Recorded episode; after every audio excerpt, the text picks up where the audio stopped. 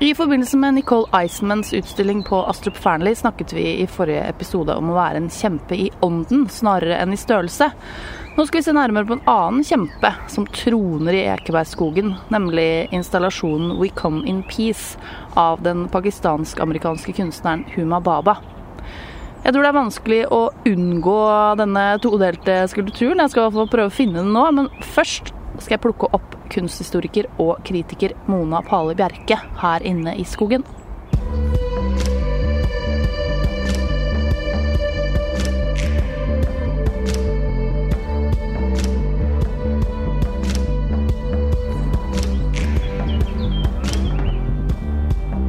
Nå har vi da funnet uh, Huma Babas uh, skulptur, uh, eller todelte skulptur. Eh, her i Ekebergskogen. Eh, har du sett noen av Humababas skulpturer før? Ja, hun er jo en veldig interessant skulptør. Eh, og en av mine favoritter er den som heter Kentaur. Som, hvor det på en måte vokser ut noe sånn uhyggesvangert av det hverdagslige. Det er jo litt typisk Humababa. Det er egentlig en benk og en stol som er koblet sammen, ser det ut som. Så det blir noe sånn kroppslig ved den. Og så henger det en anorakk over, og ut av anorakkhetten så kommer det et ansikt. Det er bare så utrolig uhyggelig. Det er sånn skikkelig frysninger på ryggen, og det er veldig, veldig typisk henne. Det der plutselige skrekkelementet som springer ut av hverdagen, da. Hvor er det du har sett det? Jeg har, sett, jeg har, ikke sett den i virkeligheten. Jeg har sett den på nettet og brukt den i forelesninger som eksempel på mm. hennes uh, kunstnerskap. Ja. Mm. Nå står vi da foran uh, dette verket, og det er en installasjon bestående av to skulpturer. Den stående har tittelen 'We Come In Peace', som også hele installasjonen heter, og er over fire meter høy. Den liggende uh, har tittelen 'Benam', som betyr 'navnløs' på urdu. Og begge skulpturene er opprinnelig laget i leire, isopor og kork, før de da er støpt i bronse for, for, å tåle å vises ute. Uh, kan ikke du begynne å beskrive hva vi ser, Mona? Ja, det er Hva er det? Er det troll, eller er det en kjempe, eller er det en slags mektig gud? Altså Man kan jo tenke at det er en gud, denne ruvende kjempeskikkelsen, fordi den andre figuren kneler og bøyer hodet mot bakken og presser disse store hendene ned mot jorden, som i tilbedelse. Men den ser jo litt sånn trollaktig ut. Den har en sånn skrekkmaske av et ansikt. Eh, det er jo veldig typisk for Huma Babas kunst at det er en kobling mellom noe eldgammelt arkaisk og eh, noe samtidig. Det ser vi i nesten alt hun lager. Denne, det er eh, hun er veldig fascinert av den såkalte primitivismen som eh, Picasso representerte, hvor man hentet inn afrikanske masker og ja, iberiske skulpturer og ting fra Elfenbenskysten og sånne ting, og lot seg inspirere i kunsten av det. Eh, og så er hun jo også inspirert av surrealismen, det drømmeaktige, uvirkelige, og også konstruktivismen. Så det er veldig mange kunsthistoriske referanser her, men i tillegg er det masse referanser til populærkultur. Mm. Det er jo science fictions, det er uh, denne kjempesjangeren, holdt jeg på å si, kaiju-sjangeren, som uh, springer egentlig ut av Goyas kjempe i sin tid, men som jo er blitt en svær greie med Godzilla og Pacific Rim og King Kong og hos oss uh, Trolljegeren. Mm. Med dette at det kommer et monster som er liksom større enn eh, virkeligheten, holdt jeg på å si, og bare skaper skrekk og frykt. Og skrekk og frykt det er jo virkelig et stikkord for Huma Homa Baba, og det ser vi jo her. Og det som er så spesielt med denne skulpturen, og egentlig med mange av hennes skulpturer, men det er ganske uttalt her, det er jo at hun kombinerer det skulpturelle og det maleriske veldig aktivt. At eh, på mange måter er det like mye maleri som skulptur. Eh, sånn som vi ser på denne skulpturen, så er hodet et, en rundskulptur som man liksom går rundt, og det er et ansikt på baksiden også.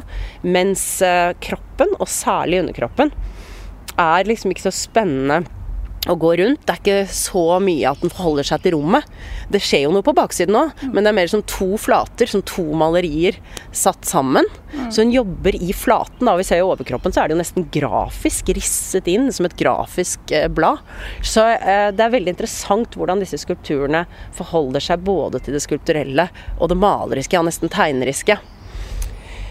Eh, og i denne skulpturen er jo også veldig tredelt. Altså jeg syns jo at uh, det er veldig mange av Homa Babas skulpturer som er mye, mye bedre enn denne. Ja. Jeg syns jo dette er en av hennes svakere arbeider. Uh, det handler bl.a. om at den faller litt fra hverandre formmessig. Nå er nok det tilsiktet, for vi ser at hodet er liksom én avdeling med én farge. Uh, overkroppen én avdeling og underkroppen en helt annen avdeling. Og det er nesten liksom delt opp sånn helt uh, tydelig. Men formmessig syns ikke jeg hun har klart å skape en helhet. Og hvis hun ikke har prøvd det, så syns jeg det ikke er et så vellykket grep. Uh, fordi at uh, alt Den blir på en måte veldig formløs og klumpete. Mm. Og en annen ting som jeg syns er en svakhet ved denne skulpturen, det er at den er så fryktelig litterær. Altså, alt ved den nesten refererer til noe utenfor seg selv. Altså alle disse referansene med, med kjemper og science fictions og aliens eller hva det er. Eh, dette skrekkuniverset. Det vipper over nesten i å bli litteratur mer enn skulptur. Og det kan være veldig fint med en rik referanseramme. Men det som er faren, er at eh, hvis vi tenker oss at man som kunstner skal koble seg på en slags hundreårsbølge, da, og ikke krusningene på overflaten, så må vi alltid vite at eh, referanser eh, kan forsvinne i tiden og bli borte. Så det er alltid utrolig flott hvis et kunstverk si, i tillegg til å referere til ting, peker inn mot seg selv mm. gjennom sin formstyrke og på en måte en sånn slags ja, en selvreferanse, da. Sånn som faren min pleier å si. Han pleier å si det at eh, når vi ser en reklameplakat for epler, så får vi vann i munnen og får lyst på epler. Når vi ser et eh, stille Benasse Sand med deilige epler, så er det ikke epler vi får lyst på. Vi får lyst til å se flere bilder av Cézanne. Så selv om det refererer til noe utover seg selv, så peker det på en måte til slutt inn mot sin egen formstyrke og sin egen kunstneriske kraft. Da. Mm. Og det er jeg nok litt redd for at dette er vel ikke et av de arbeidene til Homa Baba mm. som jeg tror blir stående innover eh, i fremtiden. Fordi det da nesten vipper over i det teatralske og det litterære mer. Men de der referansene, de, det forutsettes jo at man på en måte har det begrepsapparatet. Så liksom hvis man ikke er på en måte utdanna innenfor kunsthistorie eller har de referansene, tror du den står seg liksom bedre da? Nei, jeg tror, eh, jeg tror, ikke det har noe med saken å gjøre. Men jeg tror at en, en utrolig god eh, Et utrolig godt formmessig uttrykk som på en måte appellerer til nesten noe annet enn oss enn intellektet. som hvor vi bare opplever at det er en utrolig sterk form i rommet. Den vil på en måte stå seg mot tidens tann, da. Mm.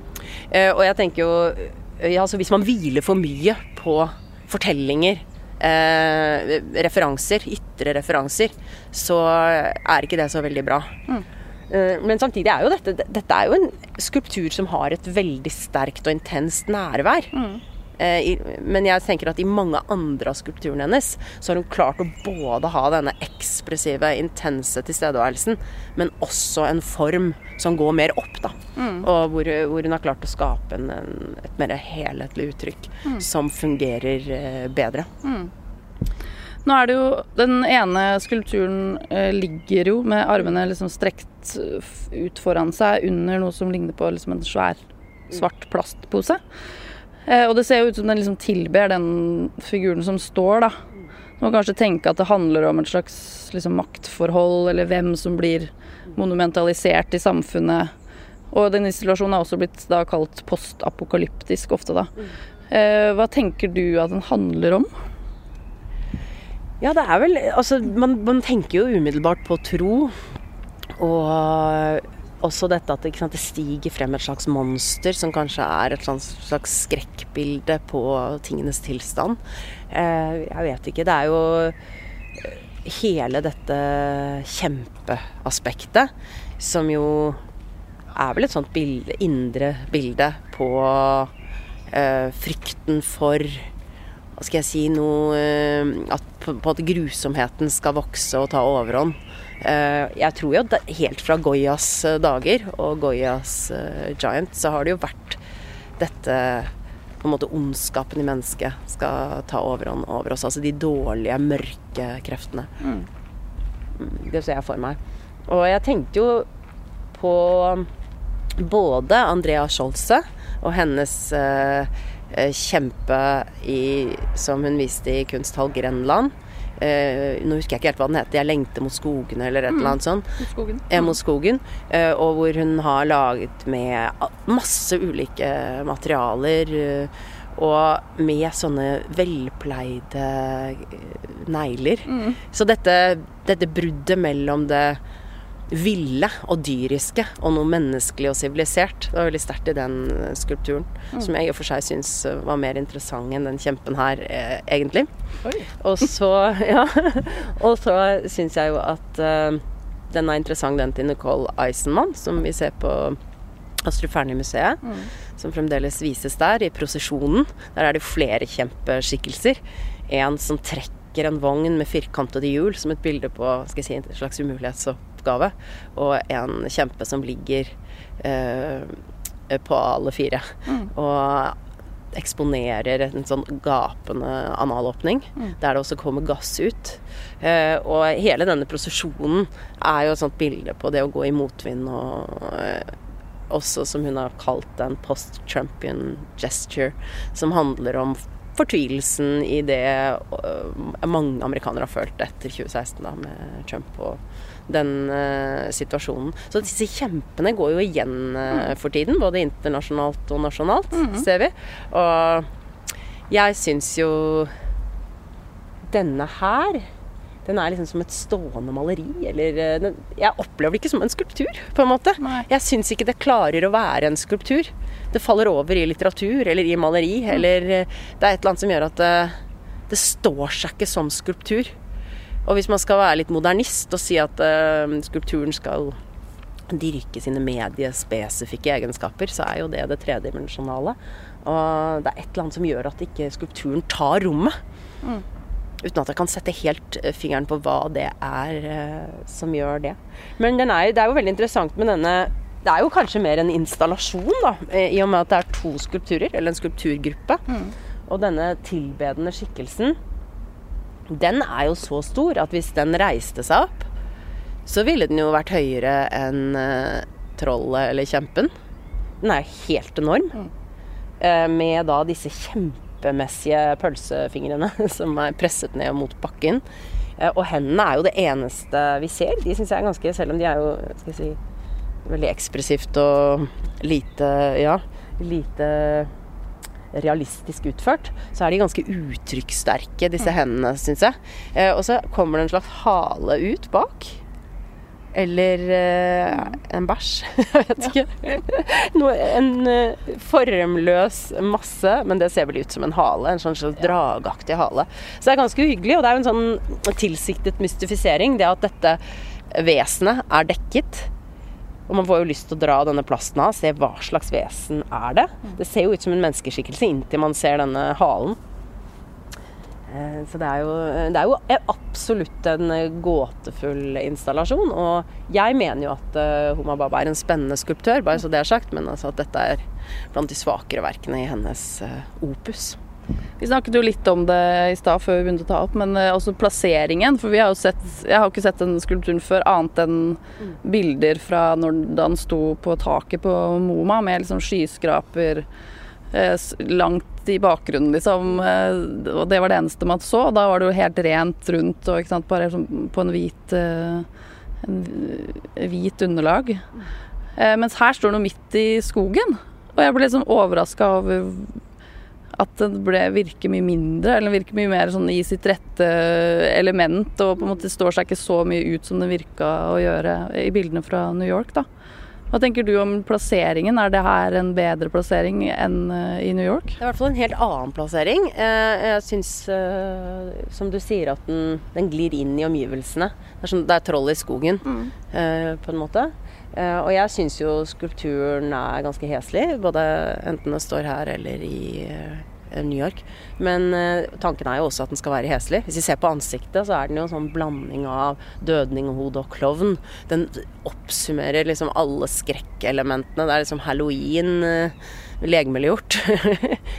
så det er jo en sånn skrekkfantasi. Det er jo veldig midt inn i hennes univers, da.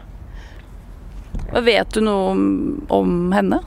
Ja, hun er jo Eh, pakistansk-amerikansk. Eh, og veldig mange steder så står det at hun er selvlært som skulptør. Det syns jeg er litt pussig når hun har en master i design, tror jeg det var.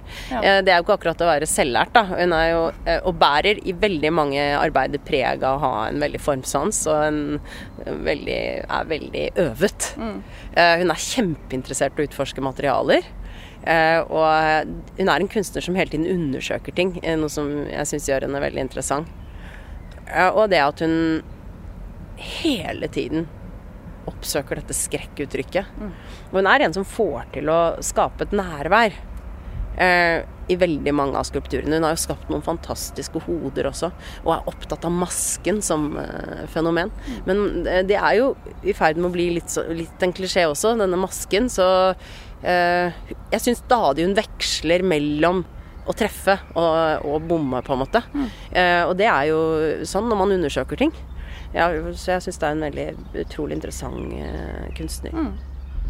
Nå skal vi gå litt nærmere. Mm. da, altså Denne tittelen 'We Come In Peace' eh, gir jo klare referanser til kanskje litt sånn klisjéfylte sitater eh, fra science fiction-univers. Fra liksom det første utenomjordiske sier når de kommer til jorden. Eh, og ut, Du var litt inne på det i stad, men uttrykket bærer også preg av litt no, sånn uraktig. At det er laget av jorden, er laget av leire. Og ansiktene til den stående skulpturen kan jo også minne som du sier, om stiliserte masker. Picassos kubisme og også Munchs skrik kan man jo også lese inni der. Så det er jo noe liksom primalt og gjenkjennbart over uttrykket og formene, samtidig, som tittelen refererer til noe liksom utenomjordisk science fiction, altså futurisme, og noe sånn dystopisk. Det er jo også Andrea Scholze eh, jobber jo med det dystopiske. Hva kan du si om denne liksom, science fiction-alien-referansen i eh, arbeidet? Ja, det er i hvert fall, ikke sant? Det er jo en kjempespennende virkelighet å koble seg på. En tankeverden. Fordi det er jo liksom de store gesters eh, sjanger. Så man kan jo virkelig gjøre mye ut av det. Denne fantasien om hva som vil være det store i fremtiden. Sånn som i 1985 da de lagde Back to the Future og reiste frem til 2015 og fløy rundt i gatene, men de sendte fortsatt faks, ikke sant. Så det, hadde, det er jo utrolig vanskelig å spå om hva som blir det store. Man skjønte ikke det at det hadde med informasjon og kommunikasjon å gjøre. Man trodde det hadde med transport og, og den type ting. Og, så det vil jo alltid være jeg skal si, fabulering, men det er jo et uhyre spennende felt for kunsten. Og veldig mange kunstnere eh, er jo fascinert av science fiction-sjangeren. Sånn som Børre Sætre og sånn, da. Som har denne litt sånn Ja, du får den space-aktige uh, følelsen. Nå er det jo en litt sånn annen type science fictions-referanse her. F.eks. da gjennom tittelen. Eh, og det er også litt mer sånn til eh, folkefantasien. Altså man får mer sånn trollenes eh, verden, de underjordiske, sånn elementarvesenaktig. Nettopp noe sånn ur Et noen, noen ur eh, Et urelement, da. Mm. Men eh, det er jo litt sånn i, i kunstverden noen ganger at eh, dersom noe blir lag, laget i stor størrelse, blir det med en gang mye mer imponerende. Hva tenker du, Hvordan hadde den den installasjonen her hvis den hadde vært laget liksom mindre? Ja, da, det tror jeg, jeg tror du har helt rett i at eh, da ville det fått mindre oppmerksomhet. Rett og slett det tar stor plass, da tenker man da fortjener det stor plass, og, så, og så får det oppmerksomhet. Eh, men det er klart at det at den er stor, det gjør også at vi kobler den til da kjempen som en sånn, et sånt bilde, da. Og, og kjempen er jo et interessant bilde. Som, og, og en hel sjanger i filmens verden, ikke sant. Og i maleriets verden, for den saks skyld også. Og det er jo eh? Helt fra Goyas dager noe som har fascinert oss. Det er plutselig tanken om at eh, noen bare vandrer gjennom og med føttene knuser hus og trær og er, eh, har et helt annet eh, en, Er bygd over en helt annen målestokk. Så det er jo kjempe, kjempefascinerende. Kjempefascinerende. Ja. Rett og slett. Bokstavelig talt. Eh, det derre eh, We Come In Peace har jo da dette sagt det mange ganger nå, men ur liksom primale uttrykket.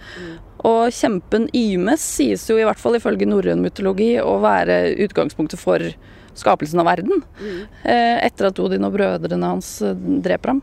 Så blodet blir til hav, kjøttet til land, knoklene til fjell og klipper, håret hans blir til trær og gress, hjernen hans kaster gudene høyt opp i luften, slik blir skyene til, og selve hodeskallen, den setter de som en hvelving, som en kuppel over alt det skapte, som himmelen, skriver Tor Åge Bringsvær i boka 'En kjempe så stor som hele verden'. Mm. Og Huma Baba sa i et intervju med Moma at hun er veldig fascinert av den du nettopp sa, tanken på at liksom kjemper går rundt, stamper rundt i verden. Eh, hvilket forhold, sånn avslutningsvis, hvilket forhold har du til kjemper, Mona? Nei, jeg elsker jo Goya. Altså, Goya er en av mine favorittkunstnere, og jeg er veldig svak for hans mørke periode. Hans mørke bilder. Og eh, dette Giant-bildet er jo blant de, de, helt store mesterverkene i kunstens historie. Og jeg er veldig fascinert av hvordan det eh, på en måte har satt i gang denne fascinasjonen og skapt en hel filmsjanger og skapte ringvirkninger helt frem til vår egen tid. Med denne, ikke bare dette motivet, men denne ideen at et sånt eh, enormt vesen plutselig trer frem og truer oss, da. Eh, og det kan jo være, ikke sant, sånn som hos eh, Roald Dahl også, at kjempen ikke nødvendigvis er slem, men at kjempen er en snill skikkelse som bare er kjempestor. Mm. Uh, så det er jo uh, mange kjemper både i litteraturen og i kunstens verden, og det er en, en, et, et, utrolig spennende motiv. Mm. Mm.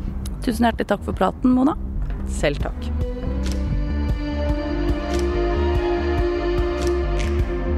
Kunstpodden lages med støtte fra Kulturrådet, Koro og Fritt Ord. Jeg heter Cecilie Tyriholt. Vi høres i neste episode.